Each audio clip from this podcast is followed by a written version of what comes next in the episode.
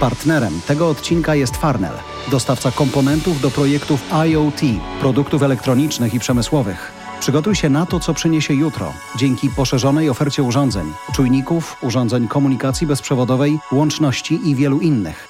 Zapraszamy na farnell.com.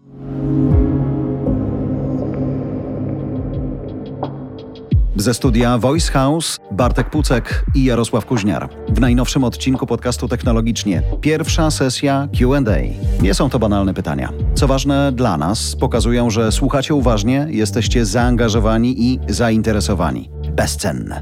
Bardzo dziękujemy i obiecujemy takich sesji więcej. Być może nawet, ale to kolejne pytanie do Was. Czy włączyć przy tym kamery? Chcielibyście uczestniczyć w ten sposób w sesji QA? Polecamy się. Zapraszamy do audycji i do dyskusji.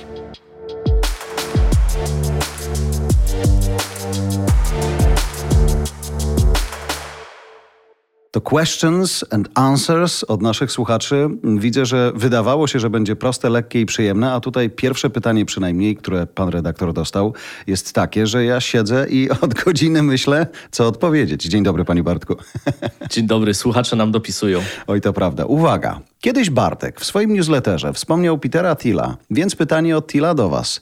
W jakiej ważnej prawdzie, w którą wierzysz bardzo, niewielu ludzi się z tobą zgadza? Ale trudne pytanie, No nie? podcast technologicznie, chcemy pogadać o tu różnych rzeczach, od krypto po inne cuda, a nagle się okazuje, hej, hej, filozofia też ma sens. nie? Bardzo mi się podoba to pytanie. Nie mogę oczywiście powiedzieć, kto go zadał, ale to akurat jeden ze słuchaczy i czytelników newslettera. Zanim odpowiem, a zanim odpowiemy, bo nie myśl, właśnie. że wywiniesz się tu zaraz, y, wywiniesz z tego tematu, to jest takie pytanie, które mm, wiele osób było zdziwionych, kiedy pierwszy raz się pojawiło, kiedy Peter Thiel o nim powiedział, bo można różne rzeczy sądzić o Thielu jako postaci i w jego wpływie na świat technologii, natomiast w rozumieniu takiego przedstawiania koncepcji rozwoju technologii i generalnie rzecz biorąc, bycie osobą, która potrafi właściwie obstawiać technologie i trendy na dekadę do przodu, nie można mu odmówić w tym zakresie naprawdę wybitnych umiejętności.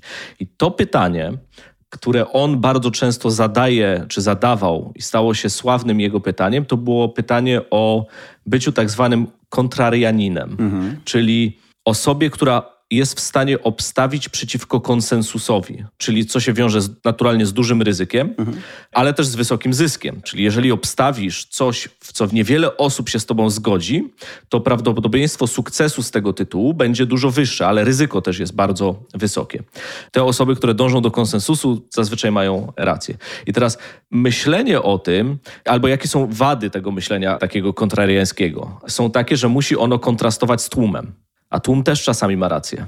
A bardzo często trzeba się wtedy przeciwstawić w jakiejś normie albo w jakimś powszechnie podzielanemu poglądowi, jaki się ma, przeciwko tłumowi, co na pewno nie jest popularne. Do dzisiaj duże większe prawdopodobieństwo, że ktoś cię skanceluje z tego tytułu, że masz poglądy inne niż większość. E, Dlatego, że istnieje taki termin określający, dlaczego tak się dzieje wśród doświadczonych ludzi. No bo nawet jeżeli masz doświadczone osoby, no to dlaczego doświadczone osoby w niektórych rzeczach nie mają racji? Bo to nie jest tak, że jeżeli jesteś doświadczoną osobą, to będziesz miał zawsze rację. No, szczególnie w tak szybko zmieniającym się świecie. Ta racja się tak, może zmieniać. Dokładnie tak. I jest coś takiego, co się nazywa cognitive entrenchment, czyli chyba polskie tłumaczenie by było okopanie poznawcze. I to jest taki problem, który napotykają osoby, które posiadają bogatą wiedzę w jakiejś dziedzinie i głęboką ekspertyzę. Ponieważ jeśli nie patrzysz na problem tak zwanym umysłem początkującego, czyli tym świeżym spojrzeniem, to nie jesteś w stanie dostrzec rzeczy, czy też prawdy, w którą możesz wierzyć, ale niewielu ludzi się z tobą zgadza. To jest jakby wprowadzenie do tego pytania, takie wyjaśniające. Nie, no, podoba mi się, tylko teraz trzeba powoli się zbliżać do odpowiedzi, więc y, wal. Jest bardzo dużo rzeczy, z którym ja mam inne zdanie niż większość osób. Co więcej, moim akurat problemem jest to, że ja się sam ze sobą nie zgadzam w swojej głowie wielokrotnie na ten sam temat. Nie? Czyli mam jedną myśl i potrafię ze sobą dyskutować w głowie, co nie jest dobre, ale jest. Więc takie rzeczy, w które ja wierzę, w które niewielu ludzi się ze mną zgadza. Więc to muszą być rzeczy pewnie dla większości osób, którzy słuchają, będą się wydawali kontrowersyjne. Pierwsza rzecz, o której bym pomyślał, to jest nauka języka angielskiego. Mhm. Albo nauka języka obcego. Na dzień dzisiejszy uważam, że nauka języka obcego jest bardzo ważną rzeczą. Nieznajomość na przykład w sektorze technologicznym języka angielskiego jest formą analfabetyzmu na dzień dzisiejszy. Natomiast za 5 do 10 lat uważam, że nauka języków obcych, albo inaczej, istnieje wysokie prawdopodobieństwo, że będzie całkowicie zbędną praktyką, dlatego że technologia zastąpi ten proces w całości i będzie tłumaczenie z języka na przykład ojczystego na język obcy, tworzone, wspierane za pomocą technologii w czasie rzeczywistym. Więc z punktu widzenia nauki obcego języka, wydaje mi się, albo to jest ten niepopularny przecinek kontrariański pogląd, który mam, że nauka języka angielskiego czy nauka języka obcego w przyszłości będzie miała zupełnie inną formę i może nie być tak przydatna jak na dzień dzisiejszy. Ale co jak nie on? Nie, ma, nie będzie takiej potrzeby. To znaczy, dzisiaj już jest na przykład taka technologia, na przykład jesteś na Zoomie, mhm. czy jesteś na Teamsie i mówisz w języku polskim i automatycznie to, co słyszy słuchacz czy słuchaczka po drugiej stronie jest co do sekundy w języku angielskim. Dzisiaj ta technologia jest jeszcze na etapie takim, w którym jest opóźnienie, czyli napisy pod spodem są tłumaczone, mhm. ale za rok, dwa, trzy, być może nawet za pół roku będzie możliwość, ty mówisz i automatycznie jest tłumaczone w języku angielskim, i teraz uwaga, tłumaczone to nie oznacza, że tam jakiś lektor mówi te rzeczy, o których ty mówisz, tylko twój głos dla słuchacza za pomocą technologii jest przetwarzany na język angielski. Ktoś słyszy Jarka w języku angielskim, mimo tego, że w danej sekundzie Jarek mówi w języku polskim. Mhm. I teraz jak do tego dołożysz późniejsze jeszcze warstwy, na przykład augmented reality, czyli tych przysłowiowych okularów, które gdzieś tam będziesz sobie nosił i pojedziesz powiedzmy, nie wiem, na drugi kraniec świata i będziesz chciał mówić w języku chińskim, to będziesz mówił w języku polskim, ale będziesz mówił do, do drugiej osoby w języku chińskim. Pod warunkiem oczywiście, że ta osoba będzie też miała te przysłowiowe okulary czy, czy jakiekolwiek inne urządzenia. Ale nauka to jest jeden z takich rzeczy, które uważam, że będą transformować rynek w znaczny, znaczny sposób. Tylko zobacz, jak mówisz, że, że to jest jakaś transformacja, to pewnie wielu pomyśli sobie, okej, okay, to się z Bartkiem zgadzam. Jakbyś powiedział, nie uczcie się języka angielskiego, bo to nie będzie miało sensu za chwilę, no to jesteś kontrarianinem pełną gębą. E, tak, ale od razu mogę powiedzieć, że pewnie w najbliższych tygodniach, przynajmniej mam nadzieję, jeszcze nie mogę teraz o tym powiedzieć, ale myślę, że w najbliższych tygodniach będę miał w tym temacie skin in the game, tak? czyli jest inwestycja, która absolutnie adresuje ten temat, przynajmniej w jakiejś części rynku. To fajne. Szczególnie, że no, chociaż może powinniśmy robić akurat Q&A z wydaniem wideo także, to słuchacze będą wiedzieli, że kiwałem głową, kiedy Bartek mówił, że w real time Jarek może mówić po chińsku albo hiszpańsku z pięknym kontekstem i z pięknym akcentem, mimo że będzie siedział sobie przed komputerem gdziekolwiek i mówił po polsku. Starając się mówić także pięknie po polsku. Poznaliśmy ostatnio w Fanwisherze właśnie cudownych ludzi z Kijowa, którzy mają swoją firmę, która właśnie bawi się AI w audio i robią takie cudowne rzeczy, tak nieprawdopodobne czasami. One są paradoksalnie cholera tak proste, wydawać by się mogło, bo wiadomo, że w przypadku wideo trzeba wejść bardzo głęboko i ten deepfake e, budzi jeszcze różne skojarzenia, zwykle negatywne. Natomiast jeśli chodzi o audio, w tym kontekście, o którym mówisz, czyli na przykład ułatwienia ludziom porozumiewania się, just like that. I to jest piękny segue do tej części związanej z AI, Ale... gdzie drugą taką myśl, która pewnie na dzień dzisiejszy Śmiało. byłaby w miarę kontrowersyjna, uważam, że nauka programowania maszyn i komputerów, mhm. albo inaczej brak umiejętności programowania i maszyn i komputerów, ale nie kojarzonym z takim programowaniem, jak my kojarzymy dzisiaj, w najbliższych latach albo za dekadę będzie uważana za formę analfabetyzmu również. Wow. To znaczy, jeżeli spojrzysz na większość pracy i zadań, w których na dzień dzisiejszy są, albo ewentualnie jeszcze nie ma na przykład maszyn, komputerów jako elementu wspomagającego albo jako elementu kierującego czy decydującego o na przykład rozwoju czy podejmowaniu decyzji w danym produkcie, to tak naprawdę ludzie, którzy mają umiejętność programowania maszyn i komputerów. Nie zawsze mówimy tutaj o jakimś zaawansowanym machine learning, deep learning i tak dalej, ale będzie to forma analfabetyzmu. Podoba mi się to, bo słuchałem akurat dzisiaj jadąc jednego z podcastów, który wyszedł do, z naszego studia, a dotyczy całej sfery magazynowej w Polsce. Zapotrzebowanie na roboty, które w tych magazynach będą stały, zapotrzebowanie na rozumienie, jak musisz je ustawić i zaprogramować jest i będzie coraz większe. I z kolei nawet uśmiecham się do zwykłego tabletu mojej córki i kilku guzików i klocków, z których musisz ułożyć pewien cykl, że po naciśnięciu tego guziczka dany robocik na ekranie dotrze tam, gdzie ma dotrzeć i zje po drodze wszystko, co ma zjeść i zarobisz przy okazji coś tam. Nie? Niby prosta zabawka, ale wymagająca skupienia logiki. Bardzo, bardzo, bardzo basicowy wstęp do tego, o czym mówisz. Ale wiesz co, po tym nawet, co powiedziałeś, myślę sobie trochę inaczej o słowach Maska, który powiedział, wprawdzie kontekst był zupełnie inny, tak, ale że każdy szef firmy technologicznej jednak to nie jest ktoś, kto powinien nią tylko zarządzać, ale rozumieć, jak się koduje. Absolutnie. Hmm, fajnie. Szanowni słuchacze, jak się okazuje, z filozofią jakoś sobie dajmy radę, ale choć Bartek tego nie wypowiedział pewnie, ja muszę się odnieść do Tila. No dobra, niech będzie. Ja czekam. Będę mniej filozoficzny, będę bardziej praktyczny, ale jestem gościem, który za chwilę mi stuknie 30 lat pracy w mediach. No i zawsze byłem tym, który wchodził sobie do studia, gadał do mikrofonu, lepiej, gorzej. Ludzie go lubili, mniej lubili, bardzo lubili, różnie bywało i bywa, ale przyszedł moment, w którym, szczególnie onetowy moment, w którym moi szefowie powiedzieli, stary, to super, że masz pomysły, to teraz jeszcze poszukajmy na to pieniędzy. Znaczy, ty poszukaj. I musiałem wejść w biznes, tak dosyć głęboko i to jest dla mnie cały czas taka na, na, nauczka, czasem jest bardzo gorzka, czasami jest e, miła i sympatyczna, ale ja wychodzę z założenia, że ponieważ moja gęba czasami jest bardziej znana niż inna, ja mogę mniej niż inni. I wychodzę z takiego założenia, co mój zespół zaczyna bardzo mocno krzyczeć czasami, że powinniśmy robić rzeczy, które lubimy i nie zawsze, a może nawet nie przede wszystkim patrzeć na to, czy one dają nam pieniądze. I to było fajne, kiedy pracowałem w różnych korporacjach, miałem zabawiać słuchaczy i dawać im jak najwięcej frajdy w biznesie. Siłą rzeczy, no biznes musi być biznesem, a ja podchodzę do tego mało biznesowo jeszcze. Wydaje mi się, że w długiej perspektywie bycie w takiej kontrze biznesowej, mówienie pieniądze na końcu. Najpierw zróbmy coś fajnego, jednak na pewno mi przyniesie dużo frajdy. Wierzę, że otoczę się ludźmi, którzy pomogą mi nauczyć się być bardziej biznesowym w tym wszystkim, nie tracąc tego właśnie podejścia Natomiast gdzie tu kontra? No właśnie taka, że jak w ten biznes wszedłem, to bardzo często jestem ogrywany. I wtedy ta moja znana gęba do niczego mi się nie przydaje. Wiesz, gdzie jeszcze była kontra w tym, co powiedziałeś? No. Większość osób myśli właśnie, że jest odwrotnie mhm. niż to, co powiedziałeś na początku, czyli że ponieważ jesteś znaną twarzą, mhm. to możesz więcej, a jest wręcz odwrotnie. Jest, możesz mniej. Wielu ludzi, których uczę bycia na scenie i ja im uświadamiam, że oni wchodząc na tę scenę stają się bardziej publiczni i mówię, w momencie, w którym stajecie się bardziej publiczni, bo jesteście częściej na LinkedInie, widać was, bierzecie udział w konferencjach, jesteście publiczni, a to oznacza, że możecie mniej. I teraz ci top menadżerowie myślą sobie, ale jak to ja mogę mniej? Jest to trudne do zaakceptowania. Wyobraź sobie taką sytuację, w której przychodzi znany periodyk i mówi: Chcę, żebyś był, była twarzą okładki w tej gazecie. I nagle ktoś mówi: Nie dziękuję. Większość osób z automatu powie tak, bo jest to dobry, w sensie, bo jest to forma PR, łechcze ego i tak dalej. -hmm.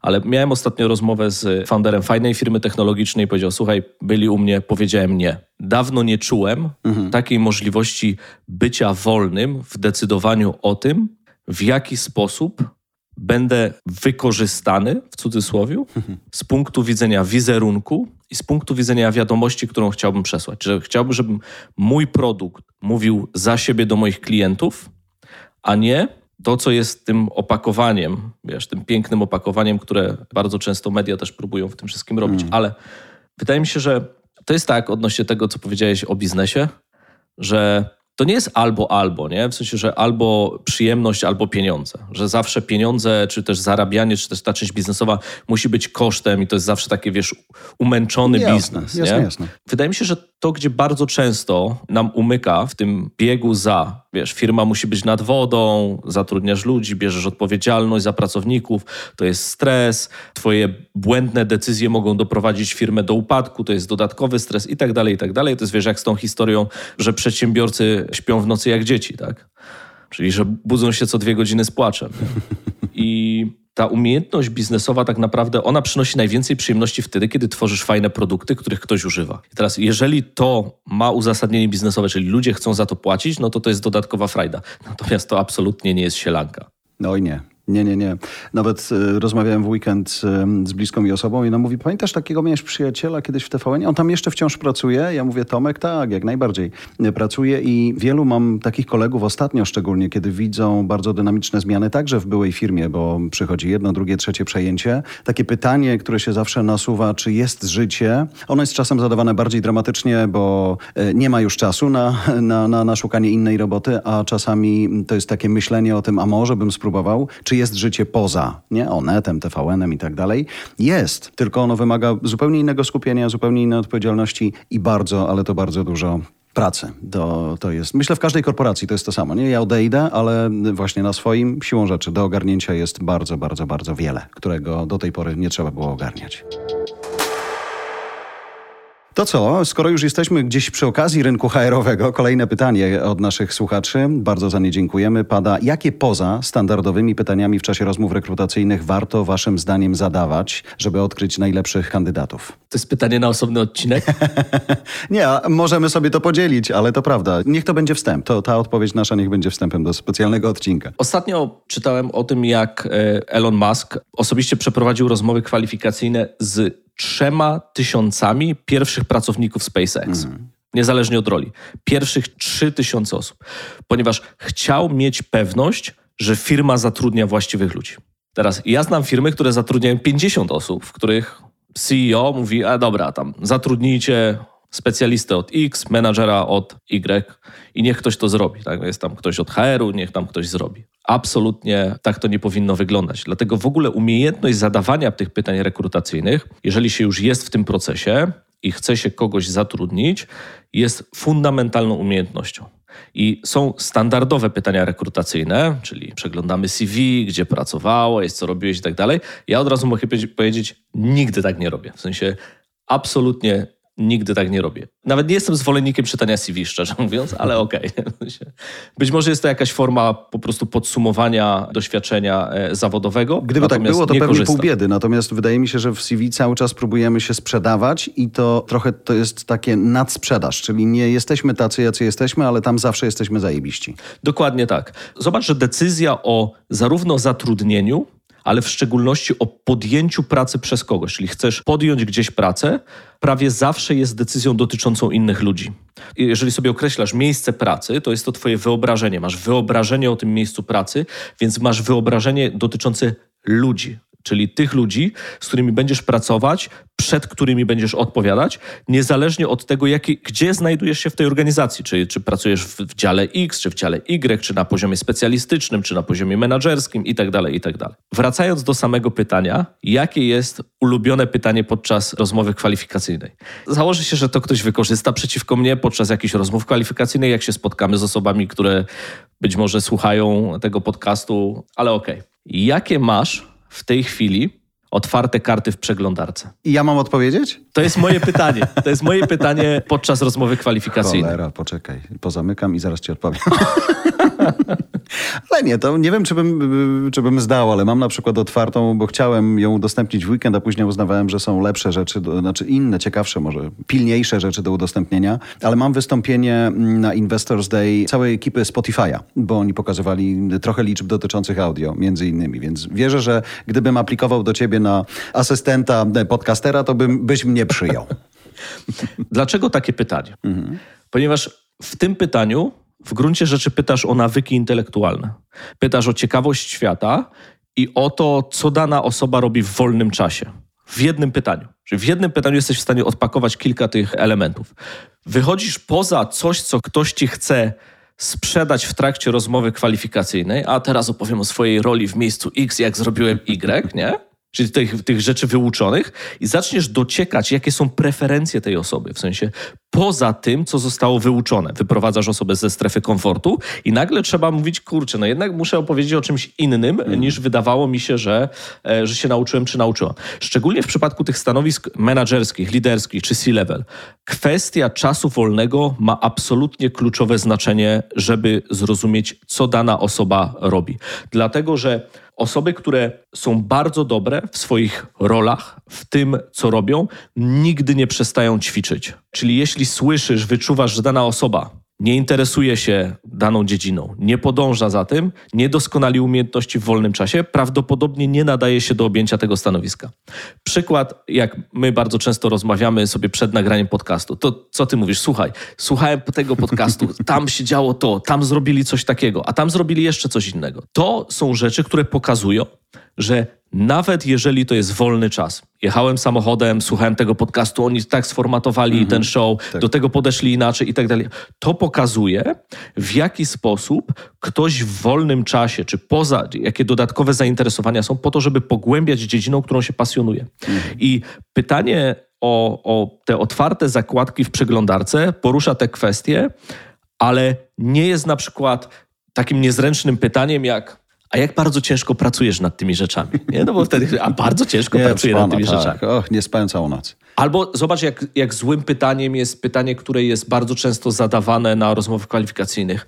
Jak doskonalisz umiejętności w swoim wolnym czasie? A wtedy wiesz, i, i, wtedy masz możliwość po prostu wszystkiego użyć. W wolnym czasie, prawda, studiuję grę na pianinie i tak dalej. No to nie o to chodzi, tak? To Kompletnie nie o to chodzi. Trochę tak pokaż mi swojego e, iPoda, a powiem ci, kim jesteś, nie? To dzisiaj równie dobrze mógłbyś powiedzieć, po, po, pokaż mi, jakie masz subskrypcje, nawet nie płatne, ale subskrypcje podcastowe, chociażby, a powiem ci, kim jesteś, albo będzie mnie to interesowało właśnie, czy wchodzisz głębiej, czy poszerzasz swoje horyzonty, być może słuchasz czegoś właśnie zupełnie innego niż związanego z e, dziedziną, w której ja chciałbym ciebie zatrudnić. Jeszcze może tutaj jedna uwaga odnośnie tego pytania jest taka, że często niektóre firmy próbują kopiować modele zatrudniania, które były gdzieś, czy zadawania pytań, czy e, rekrutacji, które były gdzieś kiedyś popularne, albo wyczytano o tym w jakichś książkach, w szczególności w starych książkach. Szczególnie firmy technologiczne lubią się wzorować na przykład na modelu Google rekrutacyjnym, który już został przez nich zarzucony, czyli te słynne pytania, tam ile piłek tenisowych się mieści w autobusie, czy coś w tym stylu. Już nawet ludzie, którzy zarządzali ludźmi i działem HR w Google, to zostało przebadane, te pytania są nieskuteczne, one nie działają, nie prowadzą do sensownych rezultatów z punktu widzenia zatrudniania ludzi zgodnie z kulturą organizacyjną, czy ze względu na jakieś unikalne umiejętności. Więc to było moje pytanie, e, znaczy w sensie moje pytanie rekrutacyjne. A, w tym, ja myślę, że też bym, szczególnie jak patrzę sobie po stanowiskach, które są otwarte gdzieś tam w Voice House, Kuźniar Media, to raczej to właśnie poprosiłbym o pokazanie tego, czego ktoś słucha, co naturalne, wydawać by się mogło, ale jednocześnie sam po sobie widzę, że od tego słuchania do zrozumienia, co siedzi, próby zrozumienia, co siedzi głębiej w głowie tej osoby, pewnie byłoby mi bliżej. Natomiast też doświadczenie z ostatnich miesięcy, bo trochę musiałem przeorganizować zespół, to tak jak mój świętej pamięci już niestety przyjaciel i współzałożyciel Fanwishera Szymon Pawlica mówił zawsze, stary możesz mieć zajebistego specjalistę, który ogarnie ci wszystko, ale jeżeli emocjonalnie, mentalnie nie będziecie się zgadzać, nic dobrego z tego nie wyjdzie. Kończ takie współpracę szybciej niż zacząłeś. I wydaje mi się, że ta próba próba zrozumienia na takiej rozmowie kwalifikacyjnej. Nie wiem, jak brzmiałoby pytanie. Myślę, że raczej bym słuchając je zadawał na rozmowie rekrutacyjnej, żeby krążyć właśnie wokół tego wątku emocjonalnego kogoś. Nawet nie merytorycznego, ale emocjonalnego. Bo te umiejętności takie twarde, one są bardzo łatwe do sprawdzenia, nie? Mm. Masz tutaj mój laptop, chodź zrobimy jedną rzecz w trakcie rozmowy.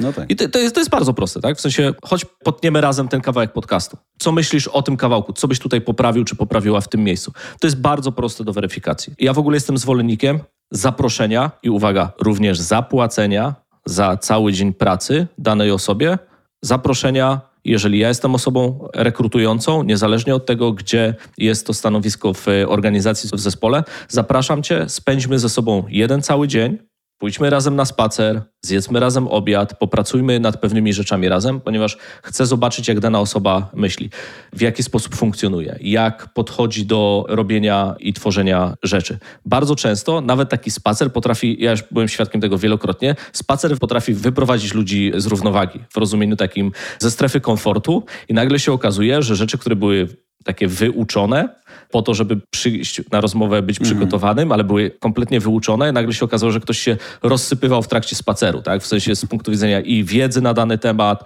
i sposobu myślenia, i na przykład reakcji, a możesz obserwować, nawet przy lunchu jesteś w stanie obserwować, w jaki sposób ktoś traktuje innych, zachowuje się i tak dalej. Jest bardzo dużo rzeczy, które są w stanie pokazać ci, czy dana osoba będzie pasowała nie tylko kompetencyjnie, ale też kulturowo do twojego zespołu. To prawda. Wydaje mi się, tak słuchając tego z boku, że to są w sumie bardzo proste rzeczy, bo możesz się umawiać, że się spotkamy w biurze, ale powiesz, kurczę, jaka fajna pogoda, chodźmy. Nie? I tak naprawdę to zaskoczenie może też już coś powiedzieć, a później to, co się dzieje w trakcie, tak jak powiedziałeś też, wiele masek jest w stanie spaść. Ale nawet w kontekście tego ostatniego twojego zdania, czyli w czasie lunchu możesz zobaczyć, jak jest traktowany chociażby kelner albo ktokolwiek inny. Przechodzimy do ostatniego w tej serii QA pytanie od naszych słuchaczy, a brzmi: jakie największe różnice kulturowe widzieliście podróżując albo pracując z różnymi ludźmi na świecie? Chciałbyś być pierwszy? Y, mogę spróbować, tak. Wydaje mi się, że największe różnice kulturowe, które widzieliśmy, ja bym je odniósł do Polaków podróżników. I będę mówił to raczej z taką troską o to, żeby oni to zmieniali, a nie żeby ich krytykować. Ale to, co jest y, dużą troską moją zawsze, to takie uświadomienie dojrzałym ludziom, z którymi poznaję świat, czy którzy z nami w Go Forward poznają ten świat. Ale nie tylko, bo czasami to jest inna relacja, że oni bardzo często do swojego plecaka właśnie zabierają uprzedzenie. I teraz rozpakowują niestety ten swój plecak, czy to w Namibii, czy to w Azji, czy gdziekolwiek tak naprawdę, gdzie kulturowo możemy się bardzo różnić. I oni oni bardzo chcą, żeby ktoś bardzo robił tak, jak oni chcą, albo jak sobie wyobrazili, że to powinno wyglądać. Takie słowa jak nie wypada, są częste, albo jak oni mogą to robić w ten sposób? Przecież my powinniśmy to robić inaczej. I to jest bardzo trudne do zmiany. To jest coś takiego, co w Namibii pamiętam taką sytuację. Pojechaliśmy do jednego z regionów, gdzie ludzie żyją tak, jak żyją. I nie ma sensu mieć o to do nich pretensji, raczej popatrzeć i doświadczyć. I uzgodniliśmy to z lokalnym przewodnikiem, który mówił w ich lokalnym dialekcie, że my nie będziemy dawać tego i tamtego dzieciakom, nie będziemy dawać pieniędzy do ręki kobietom w tych wioskach, tylko zabierzemy bierzemy nas wszystkich do sklepu, mamy pełną listę tego, co jest im potrzebne, żeby mogli przeżyć miesiąc i my to kupimy i zawieziemy na tę wioskę. Teoretycznie będą to bardzo proste rzeczy, bo to będzie tylko i wyłącznie jedzenie, ale umawiamy się, że potem nie ma żadnych cukierków, gadżetów, niczego. Strasznie to było trudne. I to było coś takiego, że kiedy już wylądowaliśmy w tej wiosce, rozpakowaliśmy te rzeczy, dostaliśmy koncert, pokaz tego, jak oni żyją w taki bardzo, bardzo bliski i fajny sposób i było takie mówienie, Jezus, te dzieci są takie biedne dajmy coś im, nie? Więc wydaje mi się, że to jest największa trudność. Brak akceptacji dla różnic i wynikających nie z tego, że one są bolesne czy trudne, ale tego, że nie potrafimy zaakceptować, że ktoś chce żyć inaczej. O, to jest tak dużo rzeczy, których ja musiałem się oduczyć mm. z punktu widzenia mojego postrzegania różnic kulturowych. Bo wiesz, wyjeżdżasz gdzieś, czy zawodowo, czy prywatnie, i jeżeli nie jesteś w stanie nabrać dystansu albo dystansu do Polski, do swojej kultury, do tego, jakie masz nawyki, a nie zawsze mamy dobre nawyki zbudowane, mamy też mnóstwo złych nawyków, w szczególności z punktu widzenia pracy zawodowej. Uczymy się też złych nawyków w różnych miejscach, tak zwana polska szkoła zarządzania, niech będzie przykładem. I musisz spędzić sporo czasu, ja musiałem spędzić sporo czasu oduczając się, miałem listę rzeczy do oduczenia się. Mhm. W sensie, jak pracować, żeby się oduczyć danej rzeczy z punktu widzenia kulturowego. Dlatego, że im większa ekspozycja, nie wiem, 12 lat temu, nawet chyba trochę więcej, albo 13 lat temu, w Stanach na konferencji Apple dla deweloperów. Spędziłem tam tydzień na samej konferencji i tydzień później jeszcze na, na networku z ludźmi i z Apple, i z ogólnie rzecz biorąc deweloperami. I miałem bardzo wiele przemyśleń dotyczących tego, w jaki sposób ja patrzę na biznes, w jaki sposób patrzę na zarządzanie, w jaki sposób patrzę na budowanie produktów versus ludzie z innych części Stanów albo z innych części świata. Więc Jedna rzecz to jest, ile czasu się spędzi na identyfikowaniu, czyli jedna rzecz to jest świadomość, druga rzecz to jest oduczanie się tych rzeczy. Są też rzeczy, które potrafimy kontrybuować, żeby było jasne, dlatego że pracując w różnych zespołach i miałem akurat możliwość pracy z, z zespołami na 30 rynkach, ale powiedzmy, mhm. jeżeli porównam Japonię, Chiny, Indię, Szwecję, Hiszpanię, Niemcy i Stany Zjednoczone, to każdy z tych rynków to jest jakby osobna historia, w sensie z punktu widzenia kultury pracy. To są po prostu kompletnie osobne przykłady. Praca z zespołami z Japonii czy z Chin, różne od siebie na wiele, wiele sposobów. I w rozumieniu kultury zarządzania, i w rozumieniu tego, jakie są problemy z tym związane, wiesz. Czasami to są rzeczy, które wydają się bardzo trudne do akceptacji. Na przykład, kiedy widziałem, w jaki sposób podchodzi się do kobiet w południowej Korei na stanowiskach zarządczych w organizacjach czy menedżerskich, o ile one się w ogóle tam pojawiają. Byłem kiedyś na takiej wycieczce w Korei Południowej i było to dla mnie duże zaskoczenie. No i kwestia tego, czy jesteś w stanie, czy chcesz albo czy nie chcesz akceptować tego typu praktyk. Są rzeczy, które są inne z punktu widzenia na przykład funkcjonowania w zespole, ten tak zwany model szwedzki, czyli otwartości, dążenia do konsensusu, akceptacji opinii innych osób ale też na przykład może mieć swoje wady. Tak? Szwecja to akurat jest taki kraj, który się bardzo często gloryfikuje w wielu aspektach. To jest wspaniały kraj, żeby było jasne, ale ma na przykład bardzo duże problemy z, bym to nazwał, z dyskryminacją i rasizmem, który jest takim skrzętnie skrywanym elementem.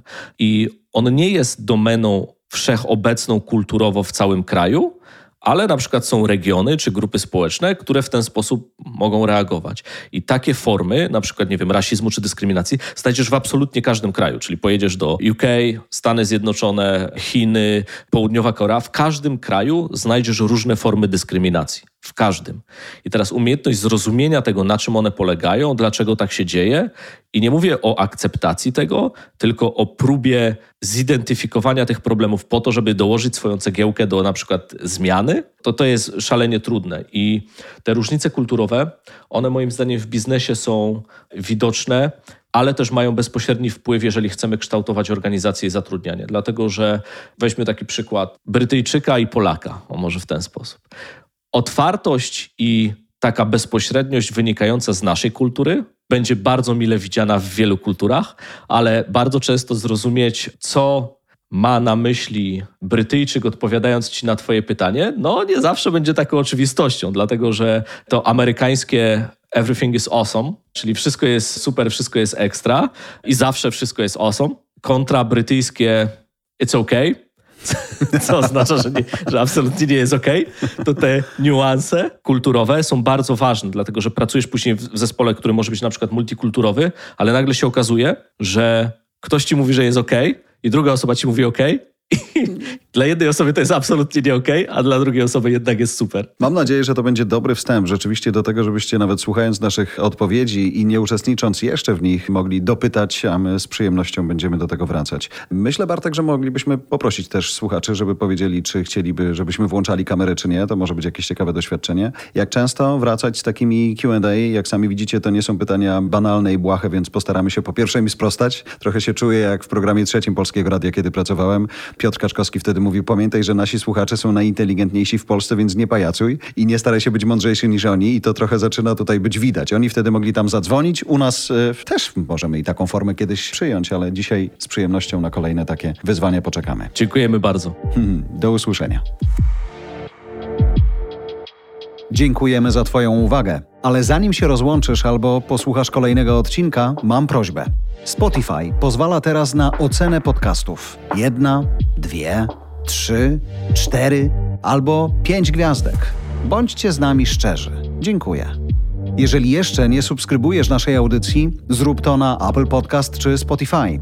Nie przegapisz najnowszego odcinka i pomożesz nam się wspinać na listach podcastowych przebojów. Zasubskrybuj także inne podcasty od Voice House. Znajdziesz je na każdej platformie podcastowej, w każdym kanale social mediowym.